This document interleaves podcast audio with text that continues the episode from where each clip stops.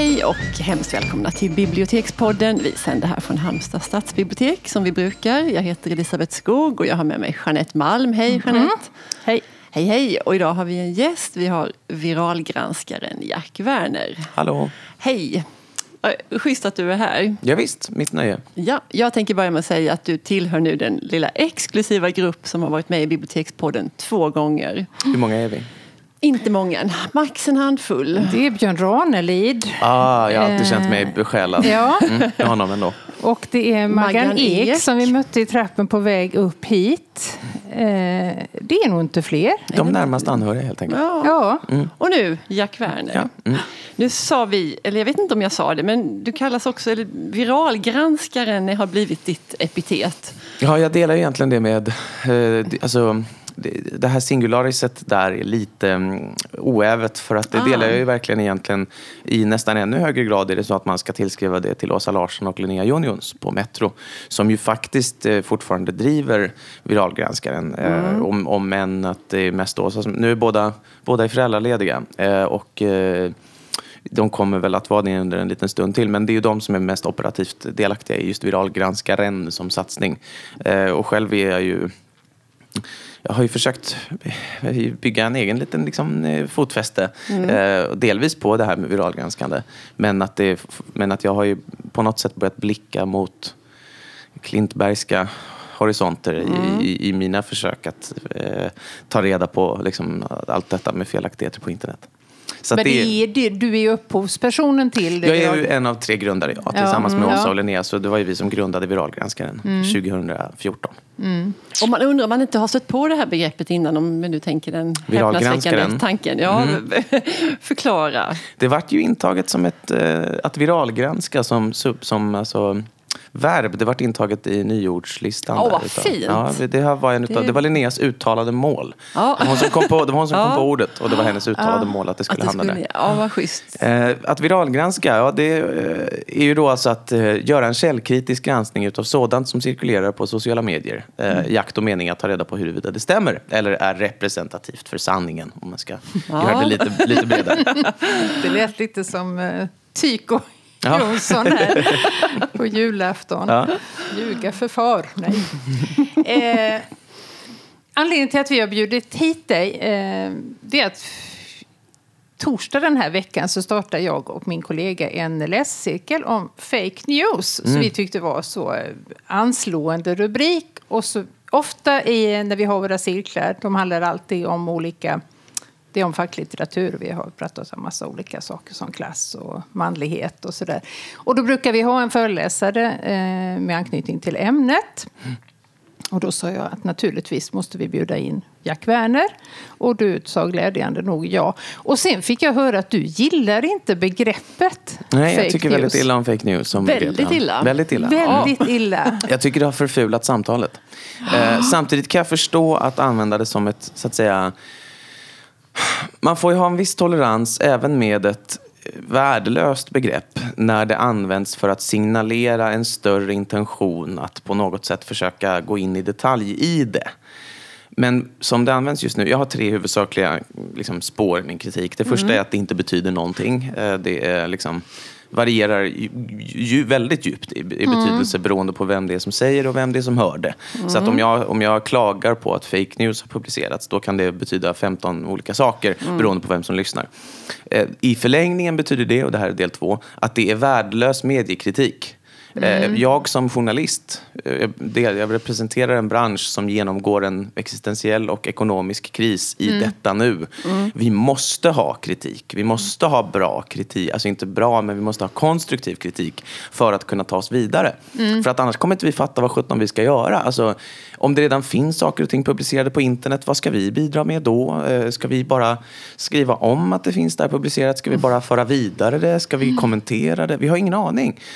Det betyder att vi måste ha liksom, tydligt eh, underbyggd och eh, konstruktiv och, och saklig kritik. Men fake news som ord, det är inte det. Utan det är liksom ju som sagt väldigt oklart vad exakt det betyder. Och för det tredje, det är politiserat. Mm. Eh, det är, jag menar, så fort du säger det kallar du en liten Trump i bakhuvudet på folk. Ja. Mm. Och just den politiserade faktorn med begreppet som sådant gör att det också polariserar. Mm. Eh, om en person anklagar en, någon för fake news då kan, det, då kan man rimligen tillskriva det till någon sorts politisk åsikt. Och då kommer det göra att de inte kommer mötas, de två som kommer ha den dialogen. Och det betyder att de kommer försämra aktivt samtalet. Så det är ju liksom mina tre huvudspår i kritiken. Och sen just när det kommer till att då eh, säga nu ska vi prata om det här. Det är ju en annan sak än som när till exempel någon socialdemokrat eller någon kristdemokrat säger att eh, det här som står i tidningen är fake news. Alltså det är ju, två olika, det är ju lite grann två olika saker. Där det ena är just mer ett så att säga kom och låt oss titta på det här temat och, och utforska det. Och där det andra är just det här politiskt förfulande som jag menar ju är, inte leder någon vart. Så att jag kan väl eh, på nåder eh, ge, ge den här rubriken eh, mitt godkännande. Men, vad- jag, för jag förstår vad det är ni vill prata om. Ja. Och Boken en vi bok- ska diskutera i Emma Frans eh, larmrapporten. Mm. Eh, och tidningsartiklar då med exempel på just de här. Vilket ju alternativ- för sig, där hade ni ju kunnat tjäna på att också just rubriksätta med alltså eh, mot sensation, sensationalisering eller liksom eh, för det vetenskapliga. Man, man kan ju nog nita målgruppen för det här samtalet bättre. Ja. För att just hennes bok är ju egentligen, om vi skalar av så att säga tidsandan ifrån den, så är det ju en en enormt tydlig handbok i Oh, det ja. vetenskapliga förhållningssättet. Eh, och hur det liksom lite grann misshandlas i, i, i journalistiken som det ser ut just nu. Och i också den allmänna, det allmänna flödet. Och jag är lite osäker på om den är egentligen ett svar på, så att säga, fake news. Eller om det är ett svar på bara helt enkelt att vi just nu genomgår en stökig information, en tid där mil- informationsmiljön är stökigare än en var de gångna decennierna. Så att det är möjligt att man hade kunnat hitta de här närmare, ty- alltså tydligare just att nu ska vi prata om det vetenskapliga förhållningssättet. Eh, och specifikt Ja. i mediekonsumtion. Eh, då kanske vi hade skrämt bort en del. Eh, Och det är lite osexigare, kan- det är- Ja, eh, det, ja, den blev fulltecknad väldigt snabbt Ja. och vi hoppas att vi kommer ha givande diskussioner. Jag är ganska övertygad om det. Det är det jag märker själv bara som en parentes också. Alltså jag, märker ju, jag, jag vet ju själv om det. Att om jag hade så att säga rubriksatt mig själv med fake news oftare. Ja. Då hade jag ju också kunnat på något sätt, tror jag, ta mig in i fler sammanhang. För det är just nu ett ämne som eh, det är ju så oerhört omdiskuterat och det finns, en sån, det finns en öppning för det överallt verkar det som. Och många kan relatera till det och liksom tänker att de känner till det mer eller mindre. De vet vad det. Det låter inte så farligt. Men det är just Nej, det som också leder till en, tror jag, en, en, en risk som är att när varje, varje ämne som blir stort och omdiskuterat och hett det, det flyttar ju också upp sig på en nivå i medvetandeskalan vilket innebär att fler människor hoppar på det för att komma med sina egna käpphästar. Och det tycker jag man ser var och varannan dag att någon skriver en, en de- debattartikel om att eh, fake news är ett väldigt stort problem. Vi måste lösa det med den politiska lösning jag har förespråkat i 15 år. Eh, och då har man inte egentligen gjort annat än att bara så här, ja den här hästen springer fort just nu och hoppa på. Liksom. Ja. Åh. Vi gick på den. Vi gör ett litet hopp här nu. Vi hoppar ner på Facebook. Och så undrar jag sådär, om du har någon, någon kortfattad schysst manual sådär, som man kan tänka på om man stöter på ett inlägg som man kanske, kanske känner sådär, men vad sjutton, det här är, kan det här verkligen stämma? Är det så här? Har det här lilla barnet råkat så illa ut som det påstås här? Det förutsätter ju att man känner vad 17 som du beskriver det det, där. ja. Mm. Och det är ju många gånger när man skulle behöva känna vad 17 så gör man inte det. Eftersom att det som står i inlägget tilltalar ens eh, befintliga världsbild. Mm. Så att det första tipset måste tyvärr alltid vara det svåraste av allt och det är nämligen att vara som mest kritisk när man är som minst sugen på att vara det. Här känner jag att jag blir bekräftad. Mm. Då är det dags för en källkritisk genomgång och inte tvärtom. Vilket är ju det som våran tyvärr primathjärna vill att vi ska göra. Så fort vi känner oss bekräftade så springer vi vidare. Liksom. Ja. Men Så jag att- tyckte det var en bra tumregel ändå. sådär. Det är en bra tumregel, men Ja, den är den absolut svår. svåraste. Ja. Ja. Och den, jag har försökt liksom fnula på någon sorts möjlig tanke kring regel som skulle kunna vara att låta den här... l- låta den här berusande känslan av att bli bekräftad bli ett varningstecken istället för ett skott- startskott. Så att i det läge där man sitter och känner att herre jävlar, jag visste ju det här. Att i det läget liksom, Stopp, stopp. Jag, jag känner igen det liksom. Och där finns det en, min, min eh, sambo är psykolog och hon, pra, hon är KBT-psykolog och eh, pratar ganska mycket om just eh, det här förhållandevis enkla faktiskt, i, liksom, som KBT gör för att se till att man blir av med sina olika fobier och sådär. Nämligen exponering. Och att man eh, till exempel som jag kan också då, om jag, jag har problem med att jag biter på mina naglar och nu har jag som nyårslöfte att inte göra det och jag har inte gjort det fram tills nu och jag tänker inte göra det heller. Ehm, Men att hon säger att om jag nu, den typen av vana går ut på att man det, det är liksom en, ett, ett mönster utav saker som följer på varandra. Där den första till exempel är att man kanske känner naglarna stryka mot något eh, material som, där man känner aha, det sticker ut. Det andra är att man liksom gör så här, kollar på dem. Det tredje är att man biter. Och att de sakerna följer extremt tajt in på varandra och är en, liksom en direkt del i en rörelsekedja man har lärt sig är automatisk. Och om man tänker sig motsvarande för just det kommer upp något på sociala medier som bekräftar den. Om, om min sambo hade bett mig att, vad min sambo ber mig att göra är att göra en motrörelse när, när, jag, när jag håller på att bita på naglarna. Det vill säga att göra något som gör det omöjligt att bita på naglarna. Klappa sig på låret kanske, det går, då kan man inte göra det. Vad skulle kunna vara motrörelsen till att springa vidare på något som bekräftar den på sociala medier? Räkna till fem kanske. Kanske räkna till fem. Klicka bort det. Mm. Ja, räkna till fem tror jag. är- Klicka bort vill man inte heller, för jag vill inte, man vill inte sätta på skygglappar. Man vill inte tvinga folk att liksom Nej. tvinga bort folk från yttringar som de hade velat göra. Nej. Det är inte åsikter man vill förbjuda, utan det är ju fel. Man vill inte förbjuda det heller riktigt. Så att eh, i första hand känna igen när man blir bekräftad.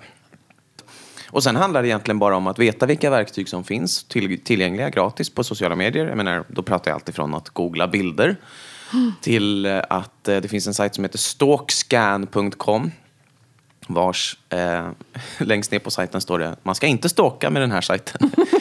De har problem med sitt varumärke. Um, och eh, den kan man lägga in ett, eh, en, en länk till en Facebook-profil på. Och sen kan man med hjälp av den sajten användas Facebooks sökverktyg mycket överskådligare än Facebook själv erbjuder. Och det betyder att man kan kolla vad har den här profilen gjort förut? Har den ager, liksom agiterat för något? Likar den bara en viss sorts sidor? Vad likar den för typ av inlägg? För på så sätt kan man ju se, är det här liksom någon som verkligen driver en agenda? Om det är det, då är det mindre trovärdigt om den här saken du står inför stå, går i den agendans riktning. Eh, och sen googla på allt som finns. Det är egentligen det enda man kan göra. Och sen improvisera ut efter vad, vad hittar du? Hittar du bilder som eh, har återanvänts? Hittar du citat som har återanvänts? Hittar du namn som inte verkar finnas? Det är ju den improvisationen som måste till tror jag. För det börjar vi fundera också eh, på hur du, eller ni i Viralgranskarna, ni tar ju upp ganska många, ni har den där falskt och sant-stämpeln på er påståenden, och de flesta är ju falska. Hur hittar ni och hur gör ni urvalet på alla de här fallen? Jag kan bara tala för hur jag gjorde när jag var där och det var fram till 2015. Ehm, men jag menar, jag själv arbetade väldigt upp ute efter att man vill inte ge osanningar som inte har fått särskilt stort genomslag. Nej. Ytterligare genomslag genom att exponera dem för en stor ny målgrupp. Så att de ska ha uppnått ett visst antal delningar, vilket utefter omständigheterna får vara liksom, beroende på hur allvarligt påståendet är. Och sen eh, se, jag menar, man följer ett antal sidor där man vet att här brukar det dyka upp grejer. Eh, och här brukar de också Ja. få ganska stor spridning därifrån. Och eh, sen också lite grann hålla koll på de aktörer som man vet är mest återkommande.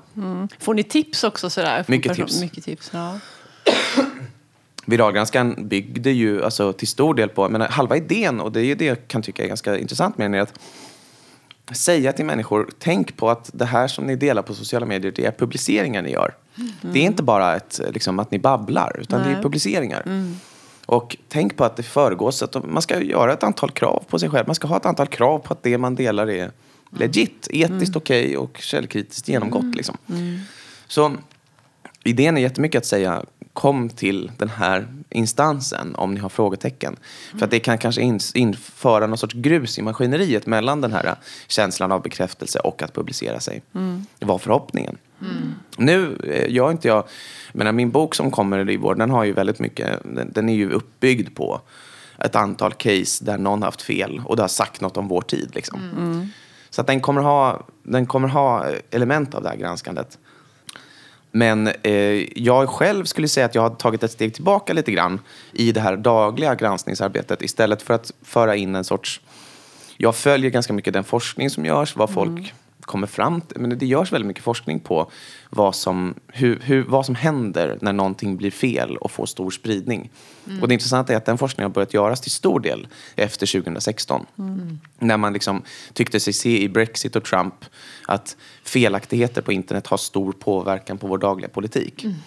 Eh, Den insikten gjorde att väldigt många forskningsarbeten antingen kom igång eller försnabbades, liksom fick ytterligare resurser. Och de, resu- de resultaten börjar komma in nu. Så då s- prata mer om dem. Vad kan vi göra för att förbättra vår faktagranskning som den ser ut just nu? Och det är ju ett, det, det är en dia- dialog. Det är en dialog som sker eh, dels med journalister givetvis. Min bransch tror jag måste bli bättre på att hitta en systematik. ehm, hitta ett, ett tankarbete där man också tar det här arbetet framåt eftersom att just nu, vi har pratat lite grann just om det här med eh, alltså redaktörskapet i felaktighetsgranskning, om man ska säga så.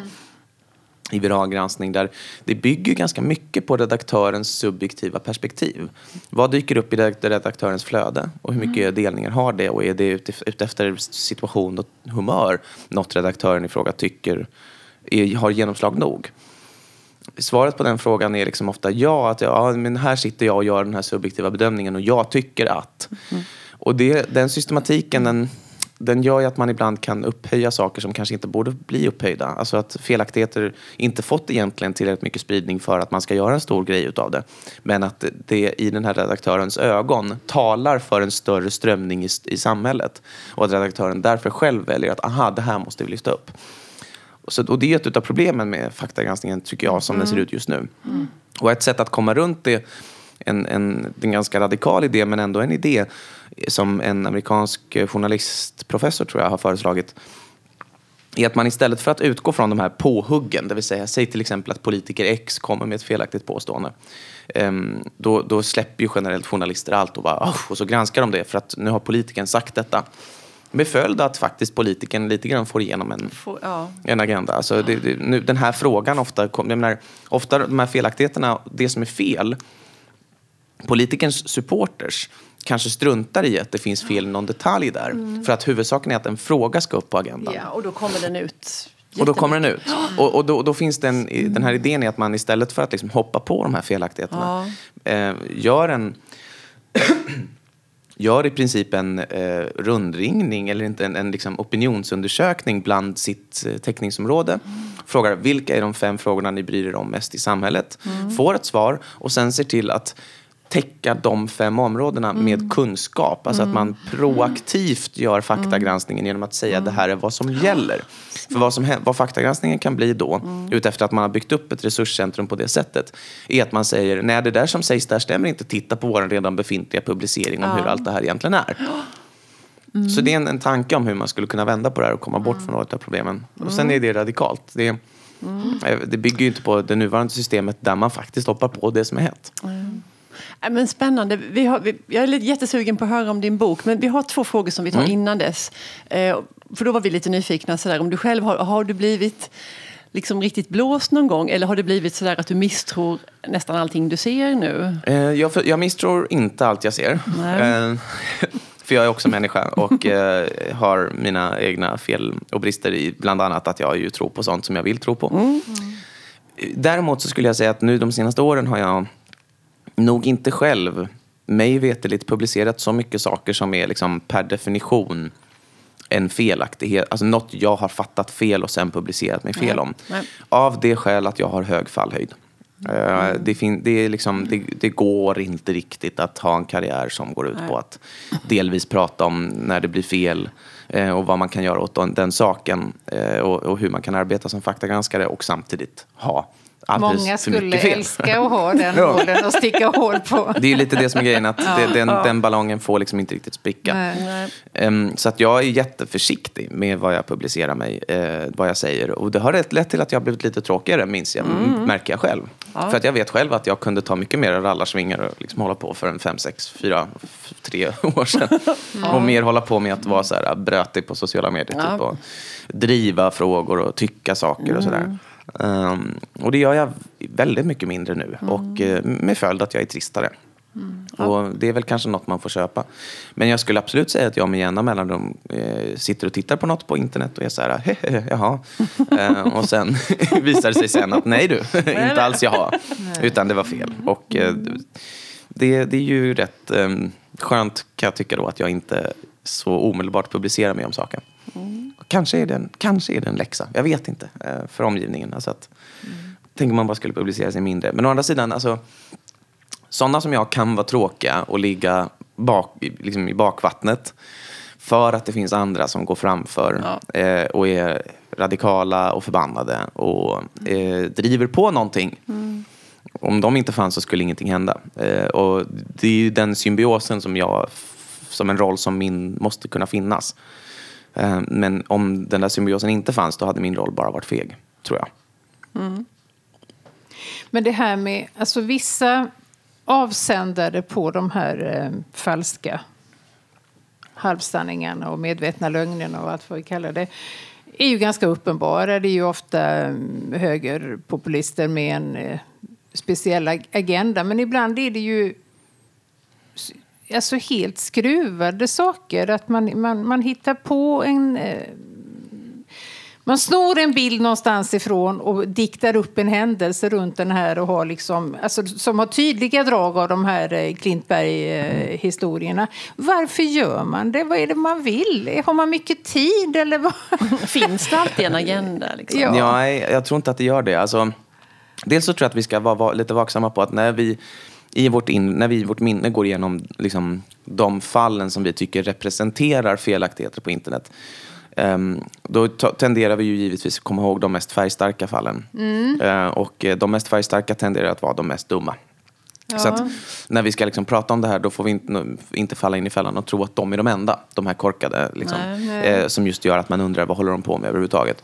För det finns betydligt många fler och det finns större och det finns andra liksom, som ehm, kommer från alla håll. Eh, jag skulle säga att korrelationen mellan att ha fel och att vara så att säga radikalt högerpopulistisk eller ens vänsterpopulistisk, jag tror inte det finns en sån parallell. Utan vad jag tror snarare är att ju mer engagerad man är i ett någonting eh, och ju mer man ägnar sig åt att propagera för detta någonting, desto större är sannolikheten att man kommer vid något tillfälle ha ett ganska stort eh, och uppmärksammat fel. För att då har man verkligen gång på gång tryckt ut de här casen som man tycker så extremt bra illustrerar vad man tycker är sant. Så att snarare än liksom en viss politisk hållning så tror jag att det handlar mycket om det här engagemanget.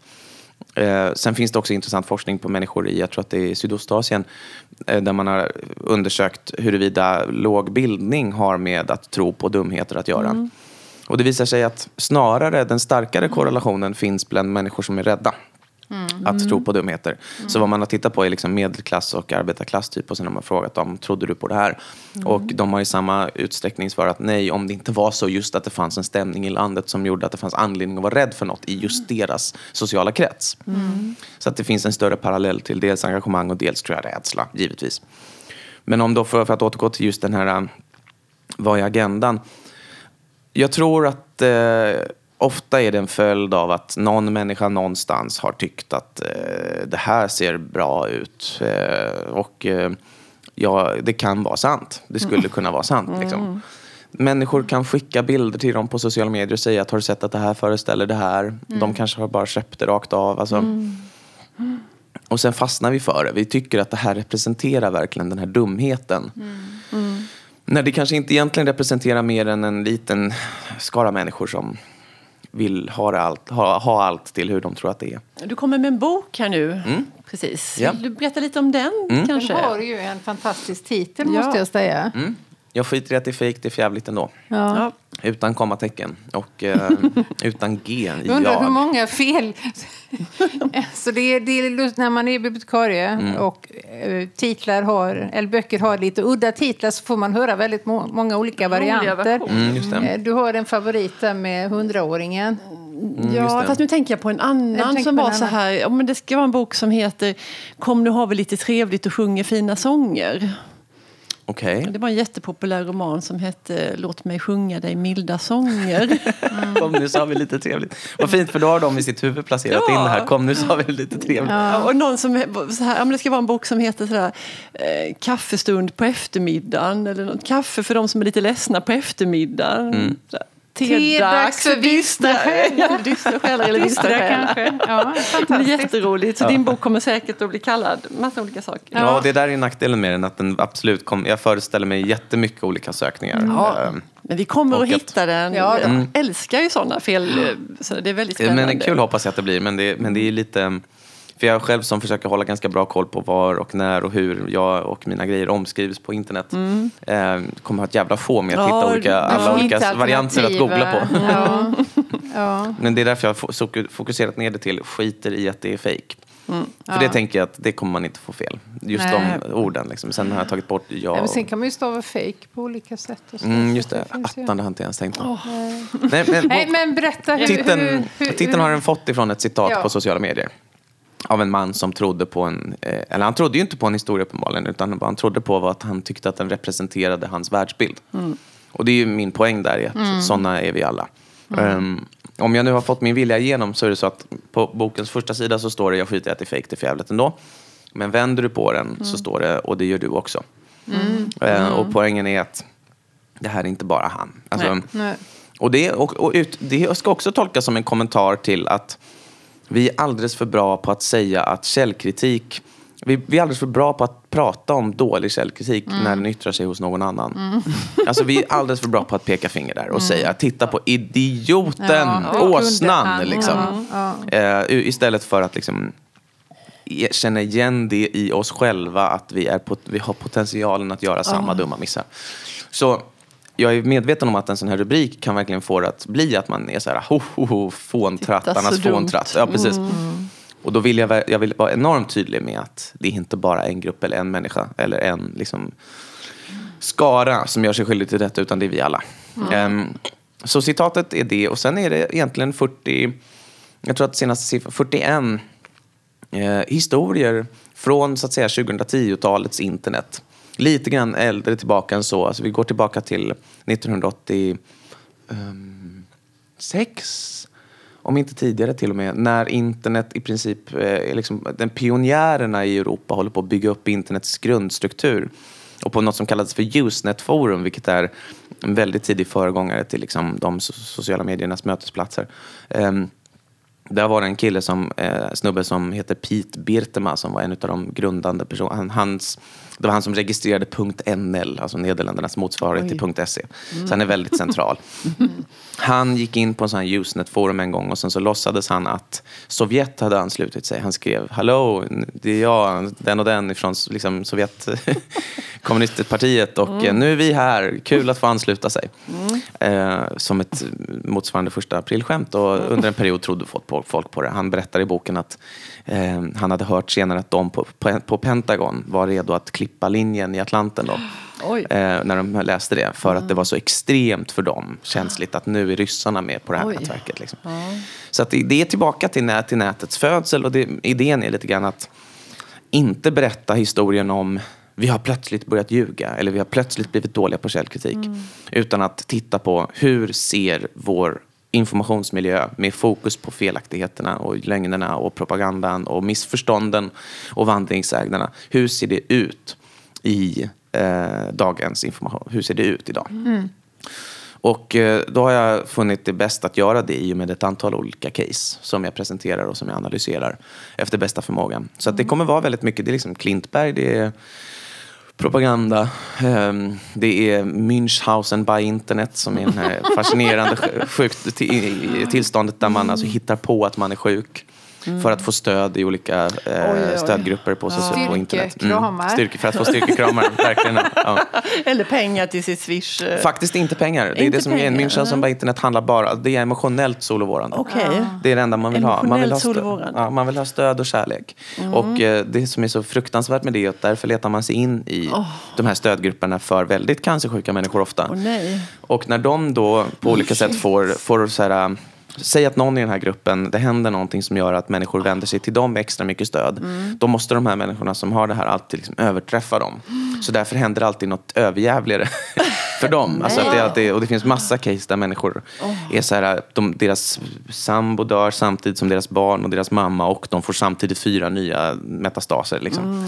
Ehm, så att det, är hela, det är hela skalan. All, alla, jag försöker täcka alla anledningar till att vi ljuger på internet. Och det blir stökigt. Jag kunde inte ens, alltså jag är så fantasilös. Jag kan inte föreställa mig att man är så eh, beroende av bekräftelse att man kan tänka ut Nej, och sånt. Nej men och det är det som är sorgligt med just den. Att, det- och det är det jag försöker också skapa, skapa en bild av, att det finns lika många olika sorters lögner som det finns eh, anledningar att ljuga. Och, eh, vi, sk- vi gör oss en otjänst om vi tittar på allt. Och, och för att återkomma till kritiken mot fake news, för det, vad det gör också är att samla Ja. en extremt brokig mänsklighet under ett paraplybegrepp. Eh, och jag tror mycket mer på att titta på vart och ett av de här olika sakerna som, vi, som vi påstår. För att försöka bilda sin förståelse av just dem. Så det är boken i ett nötskal. Ehm, och när kommer den? Den kommer i slutet av mars tror jag. Och eh, det ska bli väldigt kul att få ut den.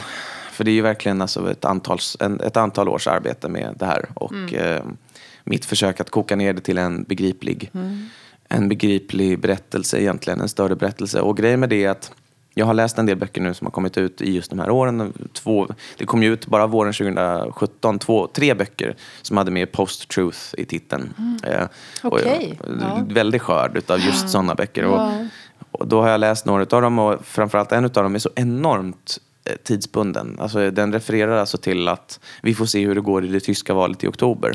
Och då menar den valet nu som var i höstas. Och det är ju inte egentligen en bok så mycket som det är en artikel, ett reportage i precis. pärmar. Ja. Och min bok har varit väldigt försökt mitt allra bästa att se till att den inte ska ha så kort livslängd utan att man ska kunna på samma sätt som, utan, att, utan några jämförelser i övrigt, eh, kan läsa Råttan i pizzan eller Glitterspray eller Den stulna njuren idag med stor behållning. Så är målet att man ska kunna läsa även den här boken om en 10, 15, 20 år och vara mer så här, åh, det här var så man trodde och tänkte då. Det här var de stora frågorna. För det är det jag tror ofta att felaktigheter handlar om. Alltså, saker och ting vi tror fel om eh, tenderar ju att vara de större smärtpunkterna i samhället just för tillfället. Eh, det är där det hamnar till, finns tillräckligt mycket känslor för att vi ska kunna ha fel. Eh, och det är det jag kan hoppas är en, blir representativt för den här epoken i boken. Att det avhandlar just våra stora smärtpunkter för tillfället. Vi ser fram emot att läsa den när den kommer. Jag tror vi redan har en hel drös eh, reservationer på den och förfrågningar faktiskt. Mycket roligt att höra. Eh, traditions, traditionsenligt heter det i podden så brukar vi avsluta med boktips eh, som är knutet till det ämne som vi har avhandlat. Och då bestämde vi idag att vi skulle prata om bedragare. Och jag har glömt bort det. Så jag har egentligen inget. Ja, men Men jag- jag ska skruva till det lite grann så att det kommer att tangera. Men vi låter eh, gästerna alltid börja. Ja, och, jag kan, och jag tänker också skriva till det. Om du har glömt så tänker jag ta mig samma frihet. Ja. Eh, för att då tänker jag, bedragare, okej. Ehm, ehm, jo, men låt oss säga så här då. Ett eh, 2800 år gammalt skelett bedrog den första som hittade skelettet. om så bara med i och för sig 200 års dateringsfel. Men ändå. Eh, jag pratar om bronsåldersmordet av Jonathan Lindström. Som ju kom ut för ett antal år sedan, men som jag tyvärr inte har fått möjlighet att läsa förrän nu. Och eh, f- den har lockat mig något så in i bänken med att vara en, alltså vad är det, 700 800 sidor lång. Det är ju ett källkritiskt kraftprov, men det är aldrig, framstår det, som träigt eller trist. Alltså det är inte en sida i den boken som känns som en SO-lektion. Eh, och ändå är det precis vad det är. Och dessutom en jävla lustfylld uppvisning utav källkritik. Eh, rakt igenom, det är sida upp och sida ner med liksom att försöka ut efter de små informationsbitar man kan ta tillvara på. Göra en så tydlig, bra bild som möjligt. En så trolig liksom, berättelse som möjligt. Eh, den boken kan jag verkligen rekommendera varmt till alla som inte har läst Fantastiskt. den. än. Jonathan Lindström. Och den hette Bronsåldersmordet. Bronsåldersmordet. En detektivhistoria och arkeolog-exposé, vad man ska kalla det. Mm. Snyggt. Ha, nej men jag skippar det här med böckerna så måste jag prata om en favoritfilm. Jag kan ha nämnt den tidigare men jag måste, den heter Bedragaren och den handlar om den här ungerska lurendrejaren som Filmen börjar med att han landstiger i Malmö och han är utklädd till ett påvligt sändebud från Vatikanstaten. Och, och han lurar skjorta och pengar och ära och allt möjligt av en massa människor. Och det är samma person som sen han lär sig simma av en kille i Malmö. Ehm, Så småningom blir han simtränare för det ungerska simlandslaget. Och de tar kopiösa medaljer, många medaljer i OS i Barcelona. Fast Och- han egentligen inte vet ett skit om simning. han vet ingenting, men Nej. han kan väl på något vis ändå Ja. trigga de här Ja. simmarna till stordåd. Och han, han luras ju då såklart. Och det är en, en familj i Malmö som har någon sån här liten Man måste TV. också att han drar ju med medaljerna. När Ja, de visst, hade på flygplatsen. han snor alla guldmedaljerna Ja, och sticker och lämnar sticker. simmarna med Ja, sina... de Så det var, det var inte ren filantropi bara? Alltså. Nej, nej, nej, inte alls. nej, men då ser den en fantastisk scen. För han har lurat en, familj i Malmö som har en sån där liten radio och tv-affär. Då, innan allting blev stora kedjor och grejer så hade de någon sån liten färg-tv-apparat och kanske någon radio.